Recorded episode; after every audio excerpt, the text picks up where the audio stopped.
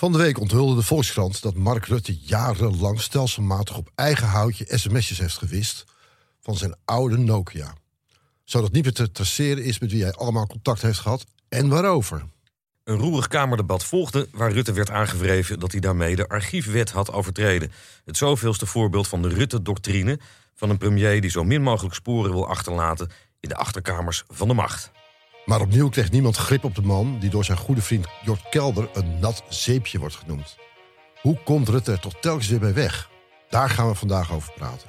En we gaan even bellen met Henri Kruithof, de man die als spindokter van de VVD jarenlang Mark Rutte van nabij meemaakte.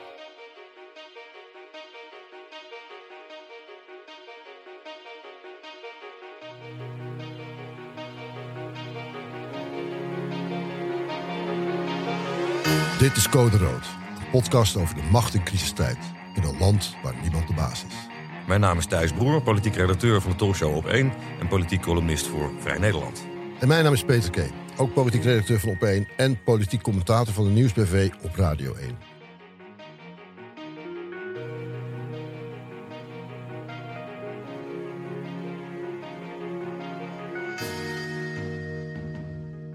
Maar eerst gaan we het nog even hebben over de voorjaarsnota, waar de coalitie al weken over aan het onderhandelen is. En die vanmiddag naar buiten kwam. Peter, wat zijn de belangrijkste punten? Ik bedoel, er is dat een en ander uitgelekt, toch? Ja, wat uitgelekt is, is dat, uh, um, dat er nou, natuurlijk voor Defensie geld bij komt. Dat was te verwachten. Dat was, uh, Iedereen is het unaniem mee eens. Ja, zelfs Jesse Klaver eh, heeft er spijt van dat hij vroeger tegen uh, extra uitgaven ja, de de voortschrijdend inzicht heet dat. ja. Verder gaat het, gaan de minimumlonen uh, met 2,5% omhoog. En daaraan gekoppeld ook de AOW, de uitkeringen. Dus het is best een dure grap. Een vurige winst van onder andere Pieter Omtzigt. Ja, maar ook van Klaver en Kuiken. Alleen die hadden een heel ander bedrag in gedachten. Die hadden het over 40%. Dus 2,5% of 40%. Oef. Van 10 euro naar 14 euro. Of van 10 euro naar, zeg maar, Uh, 10 euro. ja, rekenwonder ben je ook niet. nee, nee, nee. nou Laten we Omtzigt even bellen. marginaal. En uh, Ja, het is wel heel zuinig, ja. Daar merk je dan bijna niks van. ja, ja, ja. Dat is niet eens genoeg om de prijsstijging te com- compenseren. Hmm. Zuinig, zuinig. En dan was er ook nog iets met de fondsen. Ja, en dat is, dat is ja, dat, die fondsen, die klimaat, het Klimaatfonds, het Stikstoffonds, eh, het Wopke Wiebesfonds. Die fondsen zouden minder geld krijgen. Die worden wat afgeroomd om daarmee andere eh, kosten te dekken. Ehm, ja, en dat lijkt wel een knieval voor Joost Eertmans. Want die wilde vooral die fondsen gaan leegplukken. Die flauwekulfondsen, want waar dienen daarvoor? Weet je wel, het klimaat gaat prima. Eh, ja, en ze moeten steun hebben of van links of van rechts. Nou, dat minimumloon, dat schiet niet genoeg op. En Joost Eertmans heeft een heel zwikje spul nog steeds in de Eerste Kamer zitten. Precies, die heeft zeven zetels daar. Dat is genoeg om de steun, om de, om de maatregelen er doorheen te helpen. Eh, nou, en dan kan hij zeggen, ah, kijk, ik heb die fondsen toch een beetje leeggehaald. Nou, daar gaan we lekker mee door. Dus ja, het lijkt alsof ze toch weer... eh, of, of Sigrid Kaag met Joost Eermans aan het flirten is. Kun je, kun je het je voorstellen? Jezus, Mina. Zie je dat voor je, op de bank samen, knuffelend? nieuwe politiek. Ja, nou, ook nog even de crisisopvang waar we vorige week het over, al over spraken. Terwijl de Oekraïnse vluchtelingen nog steeds op allerlei plaatsen in het land met open armen worden ontvangen, stroomt de reguliere asielopvang helemaal over. Hè? Bij het aanmeldcentrum Ter Apel moesten van de week weer mensen op stoeltjes slapen. ja het is echt... het Wat is een gênante toestand. Ja. Hoe is dat toch mogelijk in een beschaafd land, vragen veel mensen zich af. En wat is nou eigenlijk het probleem? Ja, staatssecretaris Erik van den Burg loopt zich het vuur uit de sloffen om opvangplekken te regelen. Ja, maar gemeenten werken niet mee. En, en jouw eigen gemeente, Peter, Stichtse Vecht, ging van de week ook nog dwars liggen. Dat je me nou aanspreekt alsof ik, daar sch- schuldig aan ben. Ik kan het ook niet helpen dat, eh, dat eh, gefortuneerde Stichtse Vecht, Loena aan de Vecht en dat soort plaatsen.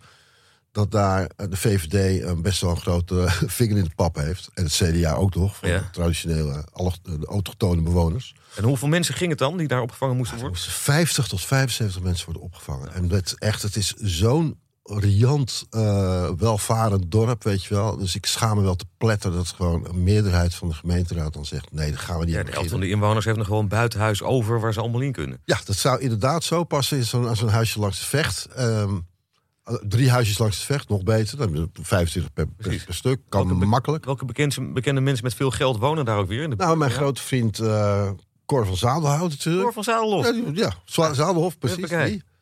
Eh, we hebben ook nog de oude bankdirecteur van ABN AMRO, eh Rijkman Groening. Rijkman Groening. Oh, die heeft ook nog wel een plekje over. Ja, ehm, Een plekje of 60. ja, en ik weet, ik kan er nog wel een aantal bij lappen, maar dat ga ik nu vandaag niet doen. Maar ze willen er allemaal niks van weten dus. Eh, nou, blijkbaar niet. De gemeenteraad doet het niet. En wat resteert Erik van den Burg? Die moet dwang gaan oe- uitoefenen op plaatsen om Ter Apel bij te staan. Ter Apel voelt zich namelijk in de kou gezet. ja. En dat snap ik wel. En het de aardig was dat we vorige week met Don Ceder nog uitgebreid over gehad hebben. En die eigenlijk al een nood, noodkreet deed. Precies, die zou deze week zijn best gaan doen om eh, meer aanmeldcentra mogelijk te maken in Nederland. hè, Om Ja. de last een beetje te verdelen. Maar het komt maar niet verder. En die dwang, eh, ja, Van den Burg heeft al eerder gezegd. Hij, wil, hij moet echt die wet naar zich toe halen. En kunnen, de mensen kunnen dwingen tot opvang. Ik begrijp het wel. En begin maar bij Stichtsvecht. Nou, dat lijkt me een voortreffelijk idee. Mark Rutte en SMS-gate.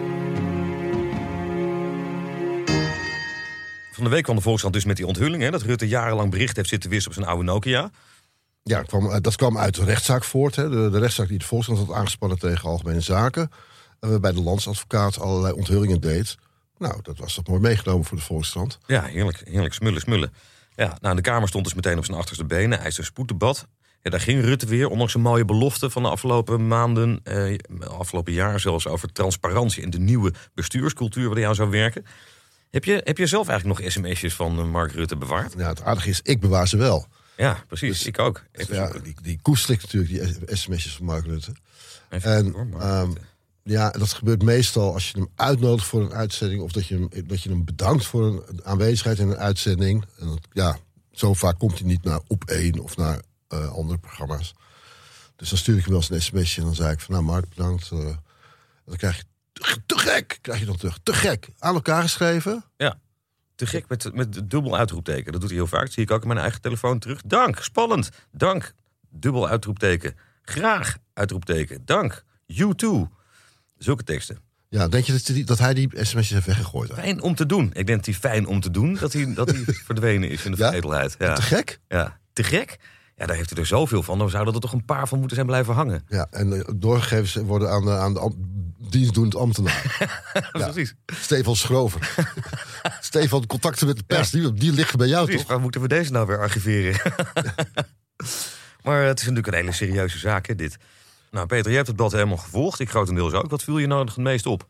Nee, kijk, ja, Rutte, dat Rutte zelf blijft volhouden dat hij eigenlijk niks verkeerd heeft gedaan. Volgens de rechtleider van het AZ heeft gehandeld.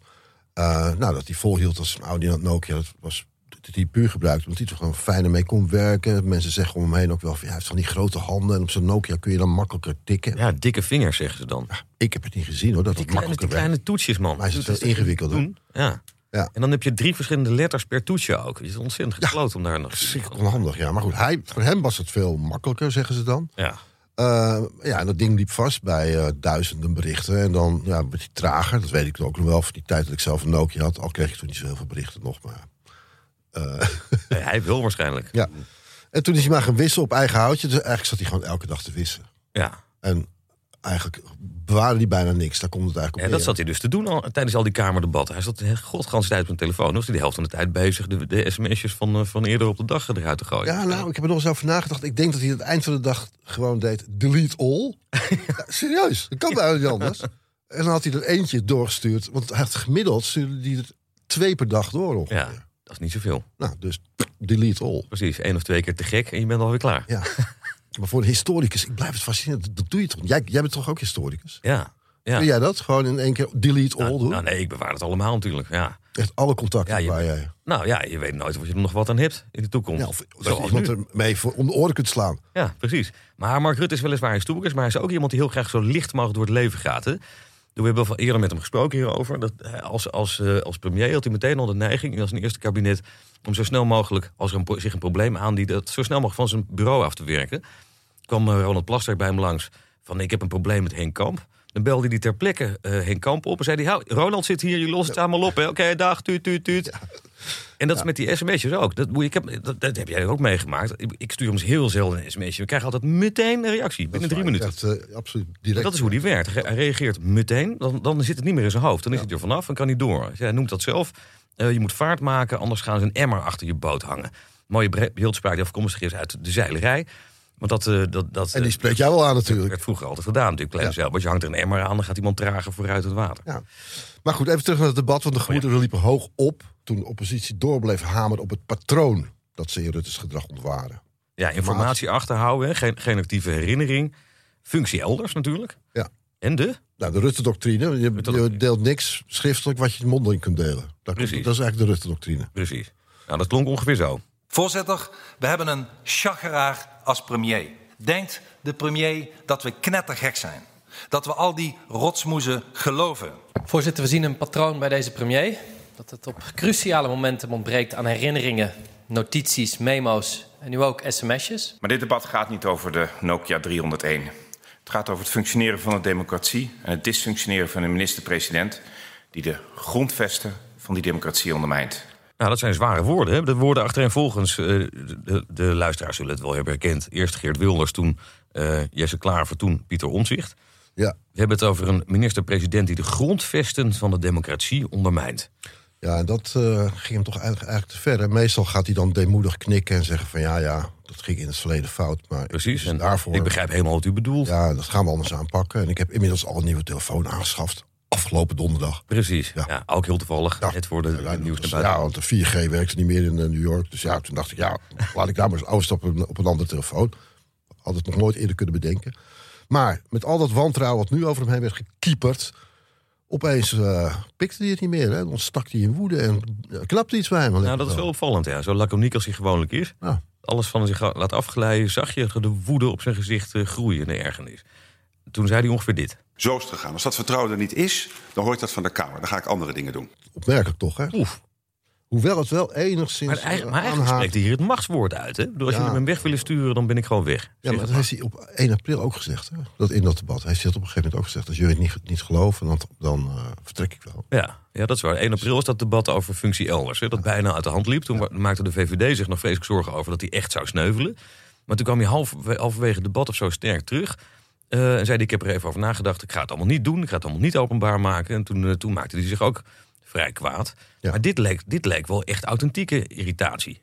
Dat vond ik zeker, ja. Echt, ik, eh, ik heb hem zelden zo boos gezien. Nee, maar de, vraag, de, vraag, de belangrijkste vraag is natuurlijk, heeft hij ook een punt? Weet je, hij, hij zei in deze context dat de Kamer eigenlijk ook boter op zijn hoofd heeft. Want dat er een cultuur van wantrouwen is gaan heersen. Waardoor iedereen de hele tijd er een patroon in ziet. wa- Wat hij allemaal verkeerd zou doen. Alsof hij continu de boel bij elkaar aan het Nou ja, het deed mij ontzettend denken aan Hugo de Jonge... die we hebben geïnterviewd toen hij stopte als coronaminister. Ja, In dat Vrij Nederland interview. Waar Hugo de Jonge benadrukte dat, eh, dat hij wilde dat de politieke cultuur zou veranderen. ja, omdat er een Omdat- soort wantrouwen soort als gif in de politiek is gesloopt. Precies. En dat het daardoor voor mensen eigenlijk bijna niet meer te doen is om die- zo'n functie te aanvaarden. Dat je goede mensen er eigenlijk niet meer kunt, voor kunt vragen. Want je krijgt het gif van de Kamer over je heen, de media. En ook nog eens een keer de dreigementen aan de deur. Waardoor heel veel ministers inmiddels beveiligd eh, rondlopen. Met vier van die, van die kleerkasten om zich heen. Precies. Ehm, en ik denk dat ze ook in het kabinet, dat zei het ook trouwens, dat we in het kabinet ook zo met elkaar praten. Ja. Waardoor daar ook wel natuurlijk een soort gevoel ontstaat, een soort bubbel ontstaat van jongens, wat zit je alleen met, alleen met de zeiken en het frame op te bouwen dat wij niet te vertrouwen zijn. Eh, vanuit die positie begrijp je het ook. Er wordt alleen maar gezegd, die gast deugt niet en hij heeft dit, dit, dit allemaal gedaan. En ja, als je elf jaar regeert, heb je meer fouten op je, op je konto staan natuurlijk. ja, precies. Ehm, maar inmiddels ook een soort eh, machtsbubbel, denk ik dan. Want ze zouden zich ook iets meer in die Kamer moeten kunnen verplaatsen. De Kamer ziet dat frame en denkt... ja, we willen hem echt weg hebben. Nu is het wel genoeg geweest na elf jaar. En die benadrukken natuurlijk ook steeds dat het een patroon is... en dat, het, dat hij altijd dingetjes vergeet en geen actieve herinnering heeft. Het is ook, Het is wel ook opvallend. Fijn om hem op vast te spijkeren natuurlijk. Ja, precies. Maar de irritatie over en weer groeit dus. Ja, en, en eh, ja, iedereen benadrukt maar dat ze, dat ze aan hun, hun, het gelijk aan hun kant is. En en als je, ik kan me wel voorstellen dat ze met 20 man in zijn kabinet zitten. Dat ze dan denken, ja, die fuckers in de Kamer. We bieden Pieter om zich notabene een baan aan als staatssecretaris van Financiën. Precies. En dan pakt hem niet op. Ja, Ja. dan moet je ook niet gaan lopen zeiken, toch? Ja. Nou, en wat doet hij? En dan gaat hij ons aanwrijven dat we sy- systematisch de democratie ondermijnen. Ja, terwijl Ja. om zich dan denkt, ja, ik doe dat niet, want ik, eh, dat is, daar ligt mijn kracht niet. Maar ik kan jullie wel precies eh, achtervolgen en op de letter eh, in de gaten houden. Ik ben daar wel heel zorgvuldig in. Ja, met de publieke sympathie aan zijn kant. Hè? Dat is natuurlijk ook zo. Meestal wel. Maar hij steunde de motie van wantrouwen niet. En daar, dat werd hem zwaar aangerekend eh, op Twitter vandaag. Ja, dat is toch Wel harde woorden, maar niet eh, doorpakken. Maar ehm, ik herinner me wel dat jij dat over dat sms-gedrag van de premier... dat jij daar wel eens een artikel over had geschreven. Ehm, Nou, dat is waar. Ik was het zelf al bijna vergeten. Maar gisteren tijdens het debat zei niemand anders dan Wieberen van Haga. jij werd gewoon door Wiebren van Haga aan je eigen stuk Precies. herinnerd. Rutte is de eerste Nederlandse premier die per sms regeert, schreef Vrij Nederland al in 2015. En er is helemaal niks veranderd, behalve dan dat de sms'jes zijn verdwenen. Dat was een stuk van Thijs Broer. En, eh, en dat wordt gewoon niet, hij wordt niet eens genoemd door Van Haga. En Weilen, maar ja, Vrij Nederland werd genoemd. Dat vond op zich al een, een wonder in de, in de Tweede Kamer. Nog wel uit de, uit de mond van deze man. Ja.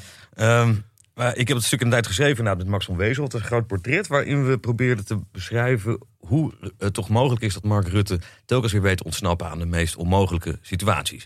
Hij is keer op keer politiek doodverklaard. Telkens weer uit de as herrezen. En dat speelde zeven jaar geleden al eigenlijk net zo nadrukkelijk als nu. Ja, ja dat, dat lijkt, lijkt er precies op. Toen hij, eh, nou ja, mensen weten het misschien wel, toen hij eh, eh, aan het begin van zijn, eh, van zijn Aufstieg zur Macht scheelde het niet zoveel. Of hij werd door, eh, door eh, hij werd verslagen door Rita Verdonk. Ja. Op het nippertje heeft hij dat toen gehaald. Ehm, vervolgens eh, donderde zijn eerste kabinet met luid geraas aan elkaar. Ehm, maar won hij toch weer de verkiezingen. Heeft hij de, de PvdA van Job Cohen op een nippertje achter zich weten te, halen, te laten. Zo ging het maar door. Het ene na de andere ingewikkelde Kamerdebat wist hij met zichtbaar gemak eh, te doorstaan. eh, Met soepele praatjes. Zelfs toen de gemoederen hoog opliepen vanwege die eeuwig geslepende kwestie over de bonnetjesaffaire. hè, de- Van, van zijn eigen bewindslieden opstelt en Teven, die uiteindelijk wel weg moesten. Mark Rutte zit er nog steeds. Ja, maar dat is wel minder dan zeven jaar geleden, toch, die monnetjes? Nou, dat speelde toen al. Oh, dat was toen, was toen en al. Ja, ja. En Ehm, Hebben jullie hem toen geïnterviewd of hebben jullie nou, we zijn, een profiel ja, we zijn in, geschreven? in diezelfde, we hebben een groot profiel van hem geschreven. En niet lang daarvoor zijn we toen ook bij hem thuis geweest. Ehm, aan het, eh, in dat vaak genoemde bescheiden appartementje in het Benoorde Hout. Was het nou inderdaad zo bescheiden als we denken? Ja, het is een heel, heel simpel appartementje. Het is een beetje een soort, ehm, een beetje een soort studentenkamer eigenlijk. Alles keurig voor elkaar, maar alleen maar meu- meubeltjes uit de jaren 50. Billy boekenkasten helemaal vol met eh, eh, het verzameld werk van Thomas Mann, natuurlijk zijn geliefde schrijver. Mhm. Waarvan hij in ieder geval het boek Boedenbrooks heeft gelezen. De rest misschien niet, maar dat het boek in ieder geval wel. Grote vleugel ergens in de kamer. Nee, geen groot vleugel, maar een heel bescheiden pianootje. Oh ja? Ja, waar die na tien uur s'avonds niet meer op speelt, dan hebben de buren er last van. Ehm, en, ehm, eh, en verder beetje versleten, versleten meubeltjes. En, en, en natuurlijk nu een oude, van die vergeelde posters, van die gestileerde posters van skiën in Davos aan de muur. Niet van Bach en Brahms en eh, Schubert? Nee, nee dat allemaal Nee? niet. Nee, nou ja, daar heeft al wat bladmuziek liggen, want hij speelt graag Chopin naar het schijnt. Ehm, maar er is dus al die jaren later is daar nog niets aan veranderd. Die vergeelde posters hangen er nog. En op een gegeven moment hebben we hem afgelopen jaar nog een videoverbinding met hem gehad.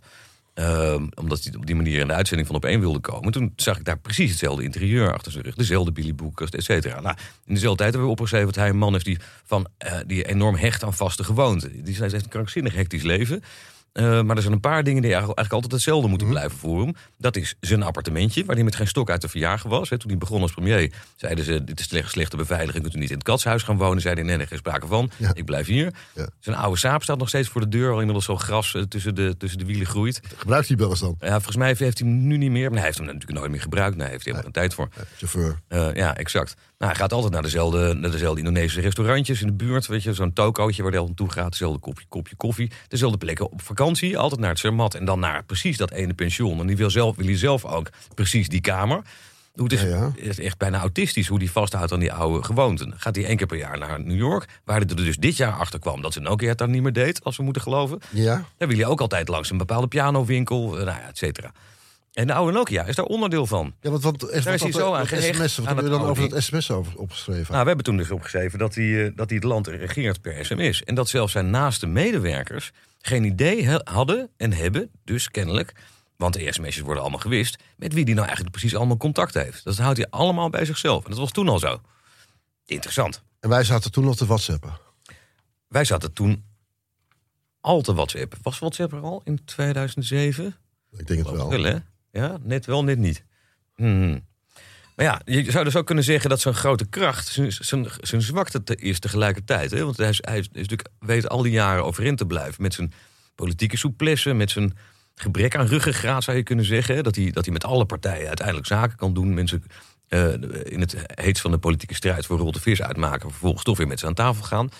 Eh, dat hij het met de waarheid ook niet al te nauw neemt. Vrij buigzaam is in zijn opvattingen. Dat zijn natuurlijk allemaal voordelen in een tijd waarin het land steeds moeilijker regeerbaar is. Met al die, eh, met al die verschillende partijen. Ja, ja, dat is het mooie stuk dat hij met iedereen kan regeren. Dat hij met Ja. iedereen afspraken kan maken. Dat hij eh, net zo makkelijk een arm om de schouder van Wilders slaat. als om de arm van om de schouders van Kuiken. Precies. Ja. Dat maakt hem niet uit. Als Maar, hij het na- het maar het kan nadeel daarvan is natuurlijk weer dat, je, dat, dat eigenlijk helemaal niemand weet waar die precies voor staat. Hoe principieel is hij nou eigenlijk? Heeft, heeft hij überhaupt wel een geweten? Ehm, en wat houdt hij allemaal voor ons verborgen? Daardoor wordt hij, hij wordt, door dit alles wordt hij natuurlijk wel achtervolgd door voortdurende verwijt dat hij niet te vertrouwen zou zijn. Ja. Nou, die sms-kwestie die helpt er ook niet bij natuurlijk. Nee. En, eh, en nou ja, inderdaad, dat idee van het is charmant, wat grappig. Mark komt hier binnen met zijn gekke telefoontje. Eh, Ja, dat was natuurlijk heel lang heel leuk. ja, Maar, dat begint toch een beetje sleets te worden. Want het is, er toch wel wat andere gedachten over te het krijgen. is net zoiets als dat eindeloos ge- ge- op, op de fiets aankomen zitten met zo'n appeltje. Weet je? Dat, is, dat, Ja, is- wat, wat, dat waarvan- lijkt ook heel sympathiek. Ja, En dat, dat, weten we ook. Dat, dat- die, keer dat hij zo in de problemen was vorig jaar met Paas, weet je wel. Ja. Dat eh Segers ongeveer de stekker eruit wilde trekken, nooit meer wilde samenwerken. ja. kwam die heel toevallig aanfietsen bij een super bij een eh, hoe heet dat, eh, op een hoek van een Haagse straat werd hij aangehouden door heel toevallig drie cameraploegen. Wat had hij op? Zo'n mutsje op zijn hoofd, appeltje in zijn hand en op zijn fietsje. Het is dat is natuurlijk allemaal verschrikkelijk bedacht. En bij alles moet je toch, begin je zo langzaam toch een wantrouwen te voelen. Er wordt zo'n frame gebouwd van een onhandige meneer die eh, per ongeluk dingetjes doet en, en aan een fiets hangt en zo gewoon is gebleven. En dan blijkt zo'n Nokia toch eigenlijk gewoon een apparaat te zijn waarmee je zo min mogelijk te, te traceren bent. Dat is ook nog het geval. Nou, en tel, maar toch, telkens komt hij er nog steeds mee weg. En de grote vraag is, hoe slaagt hij daar toch steeds weer in? En hoe lang is hij nog houdbaar? Ja, dat moeten we maar eens even gaan bespreken met eh, de man die jarenlang dicht op hem heeft gewerkt. Ja, Henri Kruithof. In het land zullen m- misschien weinig mensen hem kennen. Maar in Den Haag komt niemand jarenlang omheen. Henri Kruithof dus. Ja. Voormalig hoofdcommunicatie en spindokter van de VVD. Ja, daarvoor was hij directeur communicatie op verschillende departementen. En hij kent Mark Rutte van erbij. Want jarenlang werkte hij intensief met hem samen. Ja, hij was ook de man die de VVD-fractie, die enorm gegroeid was natuurlijk na die verkiezingen van 2010, moest disciplineren. En daar kon Eibeltje Bergmoes, gesjeest Kamerlid, over meepraten. Die heeft een keer een boekje geschreven onder de geweldige titel Voorlichting loopt met u mee tot aan het ravijn. Oh, dat, was, dus, dat was dus Kruithof. Dat, daar bedoelde ze Henri mee natuurlijk aan. Ja, ja. En die, Ehm. die heeft er ook met plezier in het ravijn laten vallen. Dat kunnen we straks nog even vragen trouwens. Want ze bakte er ook niet zoveel van. Zat, zat, zoals ze zelf bekende, zat zo zaten te Netflixen in de Tweede Kamer. Ik kom hem gelukkig nog wel eens tegen in eh, Den Haag. In uh, Nieuwsport is hij toch veelvuldig. En eh, ik weet ook dat hij de Haagse politiek op de voet volgt. Ja, zeker. Nu als communi- zelfstandig communicatieadviseur. En is nog steeds actief lid van de VVD, uiteraard. Ja, en hij wil best wel eens een boekje open doen over het VVD en over het spindokter en wat hij daar tegenwoordig van vindt. Precies. En de grote vraag is natuurlijk: wat kan hij ons vertellen over de modus operandi van Mark Rutte? Het natte zeepje. Even bellen met Henri Kruithof.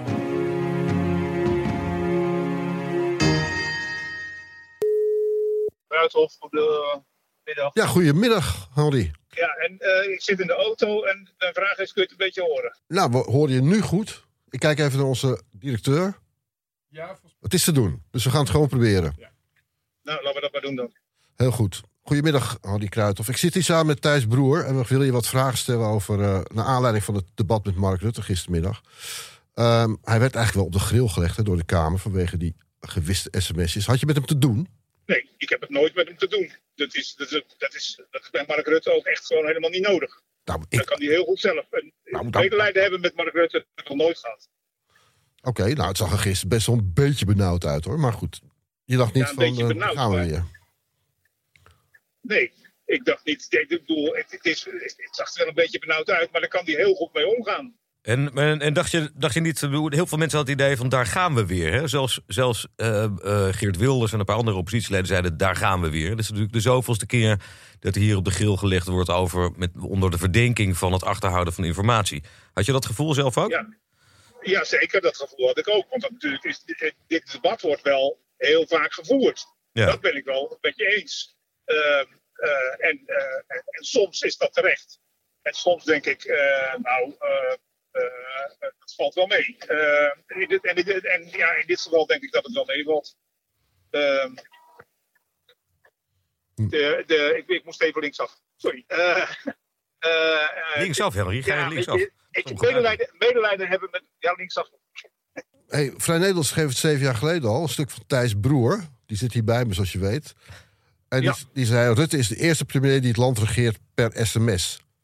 Eh, Hoe heb je dat zelf eh, meegemaakt eigenlijk? Nee, ja, zeker. Ik heb het wel meegemaakt. Maar hij regeert niet het land per sms. Hij communiceert heel veel per sms. Dat is zeker waar. Maar altijd in woorden van oké, ja, eh, Te gek. gefeliciteerd. Dat soort van sms'jes. Er zijn wel uitzonderingen hoor, die wat langer zijn. Maar, ehm, eh, eh, en ook ik heb wel eh, vaak sms'jes eh, van hem gehad.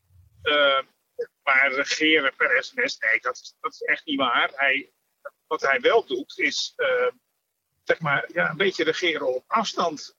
Het is heel vaak zo dat, eh, eh, dat ministers bij hem kwamen, in de tijd dat ik daar nog bij betrokken was, bij hem kwamen om te zeggen van nou, ik heb een, ik heb een, eh, een verschil van mening met collega die en die. En dan, zei dan, dan belde waar die andere collega bij zat, eh, belde Rutte meteen naar die, naar die collega waar dat verschil van mening was. En dan Ja. zei hij tegen ze, gaan jullie maar lekker met elkaar praten. En eh, ik bedoel, dat, zo is hij wel. Hij, hij zit niet overal bovenop en wil ook niet altijd alles weten. Dus, dus Thijs, Thijs, Broer, ministers, Thijs Broer deed de, de, de, de, de werkelijkheid een beetje geweld aan met zijn sms. Thijs, hoe zit dat? Nou, nee, wat, waar, ik- waar ik in ieder geval, waar Henri me in ieder geval gelijk in geeft, is dat Mark Rutte zo snel mogelijk elk probleem van zijn, eh, van zijn bureau wil hebben. En het zo aan anderen overlaten om zo licht mogelijk door het leven te gaan.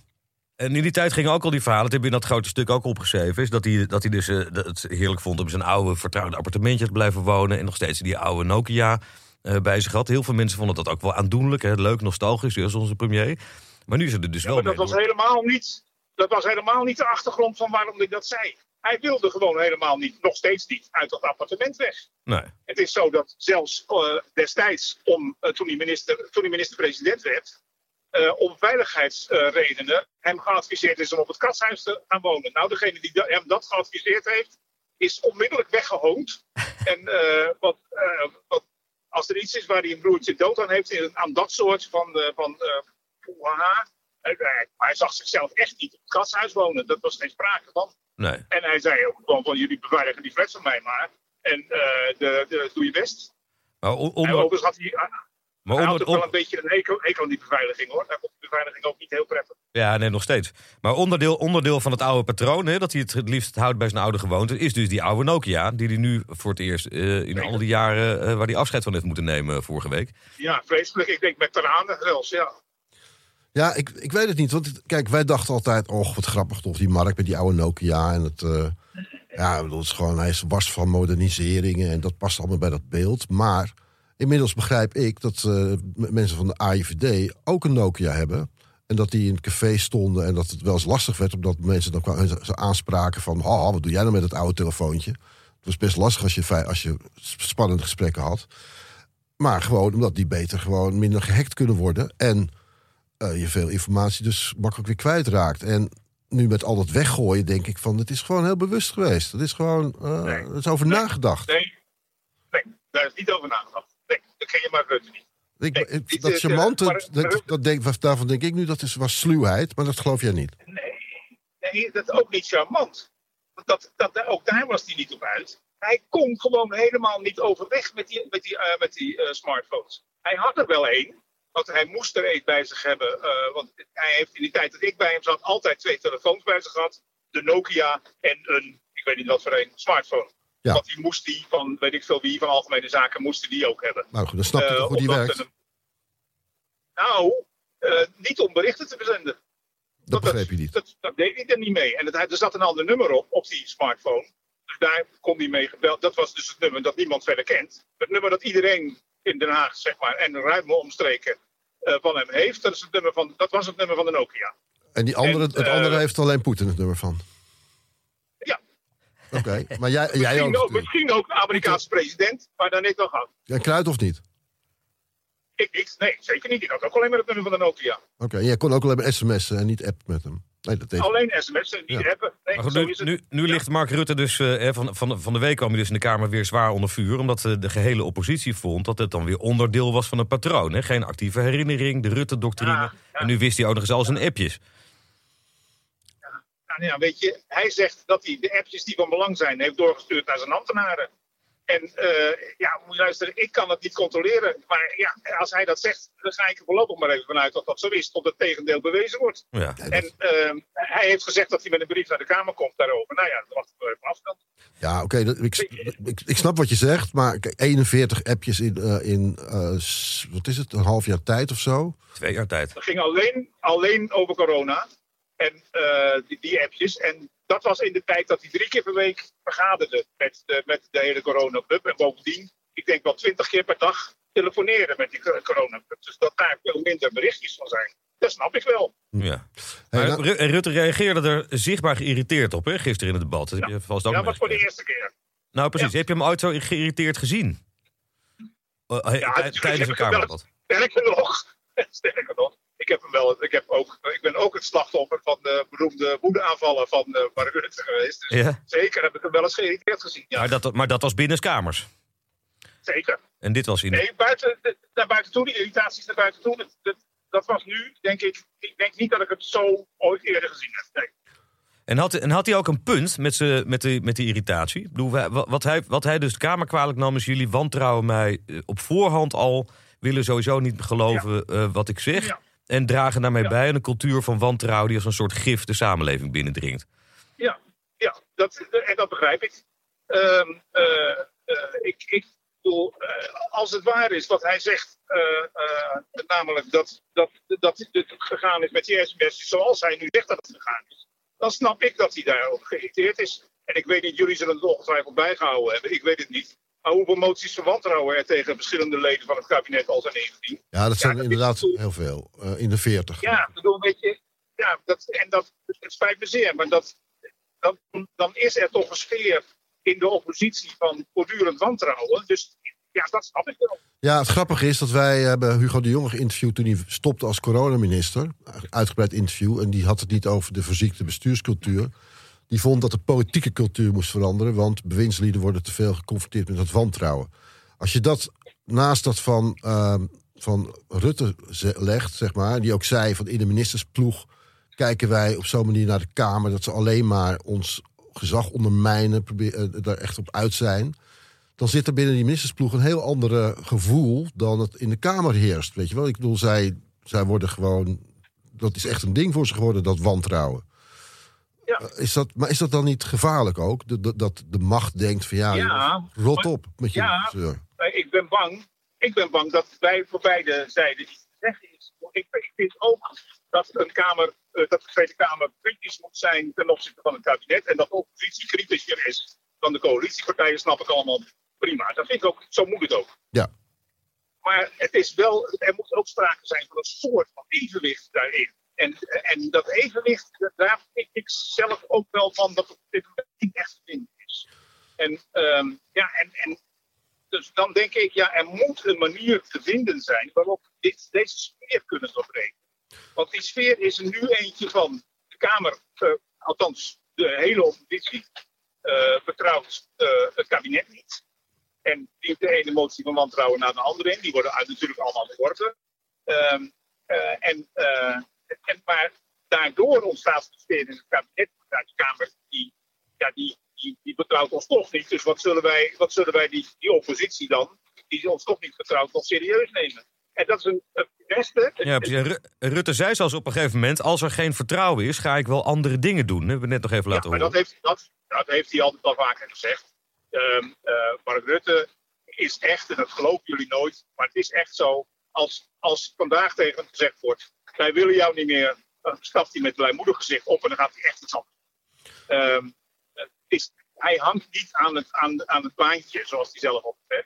Um, uh, hij doet het zolang de, uh, zolang de meerderheid van de, van de Tweede Kamer uh, vertrouwen in hem heeft. En is dat niet meer zo, gaat hij iets anders doen.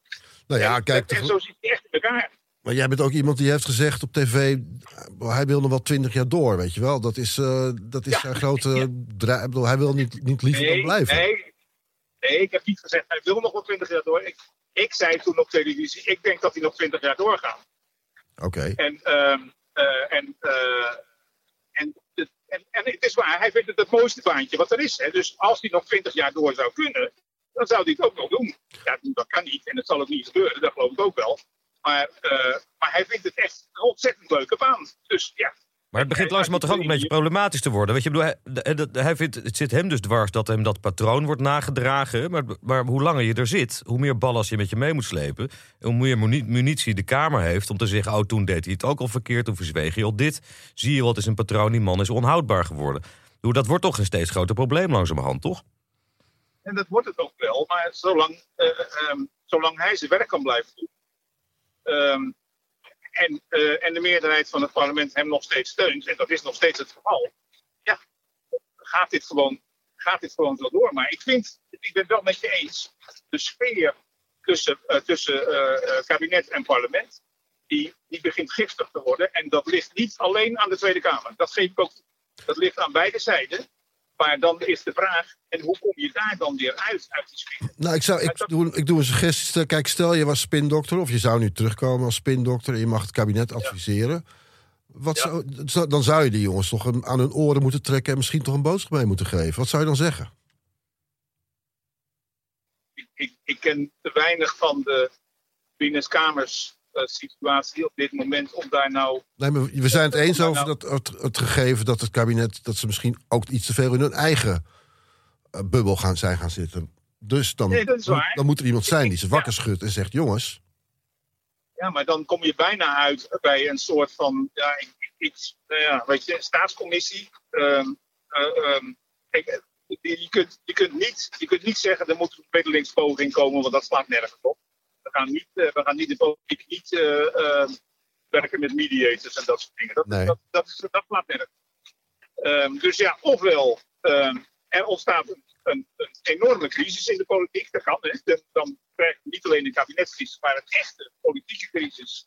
Waarbij uh, na verkiezingen het heel moeilijk wordt om een nieuw kabinet te vormen. Dat hebben we al een beetje, maar dat, okay, dat kan nog erger. Ja, dat wel een beetje. Ja. Maar ja, goed, dat had een hele specifieke reden bij de laatste kabinetsformatie. Maar, maar ik, ik voorspel je dat als we een kabinetscrisis krijgen. Uh, uh, en, en er moeten nieuwe verkiezingen komen, dat het niet makkelijker, maar moeilijker wordt. Ja. En ik geef toe, dan zal Mark Rutte denk ik wel uh, niet meer op de politieke deel zijn. Dus nee. dan krijg je ook nog heel nieuwe verhoudingen. Maar ik vrees dat dat de versplintering alleen maar erger maakt. En, en, en het niet makkelijker wordt om, om weer een kabinet Nee. Denk jij niet trouwens, dat, dat record van Rutte is echt in zicht, hè? In augustus mag hij uh, ja, jubileum dat gaat hij halen. Maar denk je nee, niet dat, dat, hij, dat hij dan daarna zegt van... nou jongens, nou is het wel mooi geweest. Ik, uh, jullie vertrouwen me nee. toch niet meer. Ik uh, kap ermee. Nee. nee. Nee? dat geloof ik niet. Nee. Ik geloof ook niet dat... Bedoel, hij zal het leuk vinden hoor, als hij het haalt. Maar het is niet zo dat hij dat zo belangrijk vindt... dat hij, dat, hij, dat, als de, de, de datum van, wat is het, 21 augustus geloof ik, gepasseerd is... Uh, dat, dan, uh, dat, dan, uh, dat, dat hij dan denkt van nou, ik heb het gehaald, ik ben te lang zittende premier, nu kan, dan mag iemand anders dat doen. Dan gaat dat niet. En als het kabinet valt, komt hij dan, gaat hij dan nog een keer een rondje meedoen of is het dan ja, wel echt dat klaar? Dat vind ik een heel lastige vraag. Dat lijkt, dat is lijkt een, een simpele vraag. De, nee, ja, de vraag is simpel, sorry. Het nee. antwoord is, is heel, heel het is, het, weet je, dat is een zaak die intern VVD is. Hè. Dat is en de vraag is, wie staat er op om hem op te volgen? Ik zie het nog niet. En, um, en dat is wel een hele essentiële vraag. En daarbij komt nog dat ook nog mogelijk is dat je dan de zogeheten Van Acht variant krijgt. Namelijk nog wel de verkiezingscampagne doen en, uh, en de uitslag afwachten, maar dan vervolgens zeggen dat jij niet meer in het kabinet gaat zitten. Okay. Um, maar dat, jij dat, vindt het denkbaar dat Mark zijn verantwoordelijkheid neemt en dat hij nog, nog een keer de VVD gaat... De campagne gaat doen. Ja, dat zie jij voor je nog. Ja. ja, dat zie ik nog voor me. Dat zijn toch weinig in Den Haag die dat denken. Thijs, denk jij dat? Ja, ik Behalve binnen de VVD. En die gaan erover. Nou ja, exact. En dat is precies het punt. Want er is inderdaad helemaal geen vanzelfsprekende opvolger nog. Er zijn pas een paar, paar mensen die zichzelf daar wel geschikt voor vinden. Maar ik zie het eerlijk gezegd ook niet. Dus het is de VVD klampt zich vast aan Mark Rutte. Wat eigenlijk al jaren zo is. Omdat anders ja. het boel met daverend geraas in elkaar stort. Toch? Zeker, maar dat, dat is ook zo. De, de, VVD en Mark Rutte zitten uh, met handboeien aan elkaar vastgeklonken. Um, en, ja, en de VVD uh, weet heel goed dat als op het moment dat Mark Rutte verdwijnt en er niet een hele goede opvolger is, dat de VVD daar uh, electoraal een enorme prijs voor gaat betalen. Um, en eh, nou ja, op zich is daar overigens ook nog weer helemaal niks tegen. Hè? Want ik bedoel, na twaalf jaar regeren mag je ook wel eens een keertje weer in de oppositie ingaan. Dus dat is ook helemaal niet zo erg. Ehm, maar goed, dat, dat, dat, de VVD weet heel goed dat dat de consequentie, consequentie daarvan kan zijn. Ja, en als je, als je Rutte nou gisteren ziet, en dat, dan heb je een soort mededogen met hem toch wel, die irritatie ziet. Ehm, dan denk, zou het niet beter voor hemzelf zijn? Dat, gewoon dat hij leuke dingen gaat doen, een beetje piano spelen, mooie boeken lezen. Uh, uh, nee, echt, nee, nee, nee, echt niet. Want hij vindt, hij vindt het nog steeds het leukste baantje van de wereld. Dat vindt hij gewoon echt. En uh, dus zolang hij het kan blijven doen, met enig, met enig plezier, blijft hij het doen. En ja, als dat niet, dan kan niet. Dan gaat hij iets anders doen. En, en ik denk dat, dat dat niet iets is, niet iets groots internationaals is maar iets, iets heel totaal anders dan wat hij tot nu toe gedaan heeft. Okay. Het onderwijs in, of ja, noem maar wat. Ik, ik, kan me niet schelen wat, je, wat, wat, uh, wat het wordt. Maar dat, dat zou wel eens iets heel anders kunnen worden dan wij allemaal denken. Dat het, uh, al die grootste uh, voorspellingen dat hij dan Europa ingaat of een, of een functie op wereldniveau krijgt, allemaal geloof. Dat, dat, dat wil hij niet, dat ambieert hij niet. En dat gaat ook niet maar de conclusie is voorlopig uh, is Nederland nog niet van Mark Rutte af. Ja, dat is mijn conclusie. Uh, en, en, en, het, en de conclusie is dat het, dat het aan de VVD is, wanneer, wanneer uh, de, niet, of aan Mark Rutte zelf natuurlijk, maar dat het aan Mark Rutte en de VVD is, wanneer de periode Rutte eindigt. En, en niet aan, aan iets of iemand anders. Oké. Okay. Hey, heb jij al je sms'jes van Mark Rutte, heb je die weggegooid? Nou, of heb je ze bewaard? Nou ja, we hadden het net over de. over uh, uh, die, die, dat ik een keer gezegd heb dat hij nog 20 jaar zou zitten. Ja. Daar, heeft hij, daar heb ik een sms'je van bewaard, ja. Oh, en hoe luidt de tekst? Ja. Misschien kun je dat wel even voorlezen. Dat willen we wel horen. Uh, echt voorlezen kan ik het niet, maar ik kan het bij het uit mijn hoofd wel eens een beetje. En hij antwoordt daarvan, haha, dan maak ik ook nog mijn tweede troonswisseling mee. um, nou ja, dat is een sms'je dat uh, als hij dat niet meer heeft dat, en, en ooit iemand onderzoek wil doen, dan kan hij dat bij mij opvragen. Dan stel je deze uh, beschikbaar zeker, hè? Dan stel ik deze beschikbaar, ja, ja hoor. Dan hebben we toch nog een onthulling. Harry, dankjewel voor deze reflectie. We zijn er erg blij mee. En, uh, Graag gedaan. Um, tot een uh, volgende keer. Dat, die komt er vast. Ja, ja vast wel. Oké, okay, dankjewel. Harry, Oké, okay, hoi. hoi. Nou Thijs, wat viel jou op in dat gesprek met, uh, met Kruithof? Heb je iets nieuws geleerd, een nieuw inzicht verworven? Nou, wat, ik vooral, wat ik vooral interessant vond, is dat uh, Kruithof toegaf dat, het, uh, dat de VVD straks met uh, donderend geraas in elkaar stort als Mark Rutte vertrokken is en er geen overduidelijke steengoede opvolger klaar staat. Um, en dat de VVD en Mark Rutte met handboeien aan elkaar zijn geklonken. Dat zijn, dat zijn meestal buitenstaanders die zulke dingen zeggen. Bij de VVD zeggen ze altijd, nee, wij en Mark, dat gaat helemaal fantastisch. Dus het is, um, het is, het is ook met de moeder wanhoop dat de VVD zich aan hem vastklampt. Omdat ze weten, straks valt het doek als Mark vertrokken is. Ja, toch ook wel zielig dat, dat hij gewoon door moet, hè? Dat hij zijn verantwoordelijkheid wel moet nemen. Maar goed, hij schijnt nog steeds plezier in te hebben. Dat hij anders de VVD een puinhoop achterlaten. Ja. Waar, waar Henri ook nog bij zei, en dat vind ik altijd wel leuk van hem... omdat hij toch vrij eerlijk is in antwoorden. Misschien niet altijd, maar uh, op dit moment wel. Voor een spindokter gaat het wel. Precies. Ja, dat hij ook nog zegt... nou, misschien is het ook wel een keer goed als de VVD... een keer in de oppositiebankjes belandt na twaalf jaar regeren. Ja. En er zit vanuit democratisch oogpunt best wat in. Ja, en dat, dat vind ik ook wel interessant... want dat kun je koppelen aan wat Kruithof dan blijkbaar ook ziet dat ook in het kabinet te ver in een soort uh, kronkel wordt gedacht van dat, dat parlement, de oppositie is alleen maar op uit om ons te slachten en ons om van, van uh, uh, wantrouwen te wantrouwt ons alleen maar. Ja. dat hij toch ook wel zegt, ze moeten ook de hand in eigen boezem steken daar in het kabinet. Ja, dat is ook zo. Ook zorgen dat ze zelf die verhouding met het parlement verbeteren. Ja, dat is waar, maar echt. En niet wachten tot, er, tot de grootste crisis op ons afkomt en ons land on, onregeerbaar wordt. Ja, precies, dat is ook zo. Ja. Maar de, vra de vraag is of de, zeer of dat in deze kabinetsperiode nog gaat lukken. Want hij, hij wijst er terecht op dat de mediation niet zoveel zin heeft. Met, zijn, met de hele Kamer aan tafel te gaan zitten met een mediator ertussen. Dat kan natuurlijk helemaal niet. Nee, maar ik, hij oppert nog een staatscommissie, maar dat wordt dan ook een stapel papier. Dat lost natuurlijk ook helemaal niks op. Nee, maar een coach, een coach voor het kabinet die even uh, links en rechts om de oren tikt. En zegt: Oké okay, jongens, jullie moeten ook je houding veranderen. En niet denken van jullie zijn de vijand alleen maar. Hè? Ja. Je moet er gewoon zaken mee leren doen. Dat is waar, dat is één kant van de zaak. De andere kant van de zaak is dat de oppositie dan ook zichzelf een beetje achter de oren mag gaan krabben. Ehm, want het wordt ook wel heel makkelijk geroepen: de staat je is niet te vertrouwen. En jullie zijn allemaal chageraars en leugenaars. Na, na de, als je dat voor de zoveelste keer hebt horen zeggen, dan ga je het langzamerhand ook niet meer geloven. Dan wordt het ook een soort eh, tik in de plaat. Tik in de plaat. Nou, ik hoor het. Dus, nou ja, goed. Ze kunnen op ons natuurlijk altijd beroep doen als mediators tussen oppositie en coalitie. Dat Een kabinet. En dat lijkt me een dan, geweldig idee. ja, maar we zijn wel duur. Laten we dat wel bij. Laten we maar eens beginnen met sms'en dan. Dit was Code Rood, een podcast over de macht in crisistijd in een land waar niemand de baas is. Code Rood is een productie van Dag en Nacht Media, podcastredactie door Tom Aalmoes en Lara de Boer, edit door Tom Aalmoes, muziek door Lucas de Gier.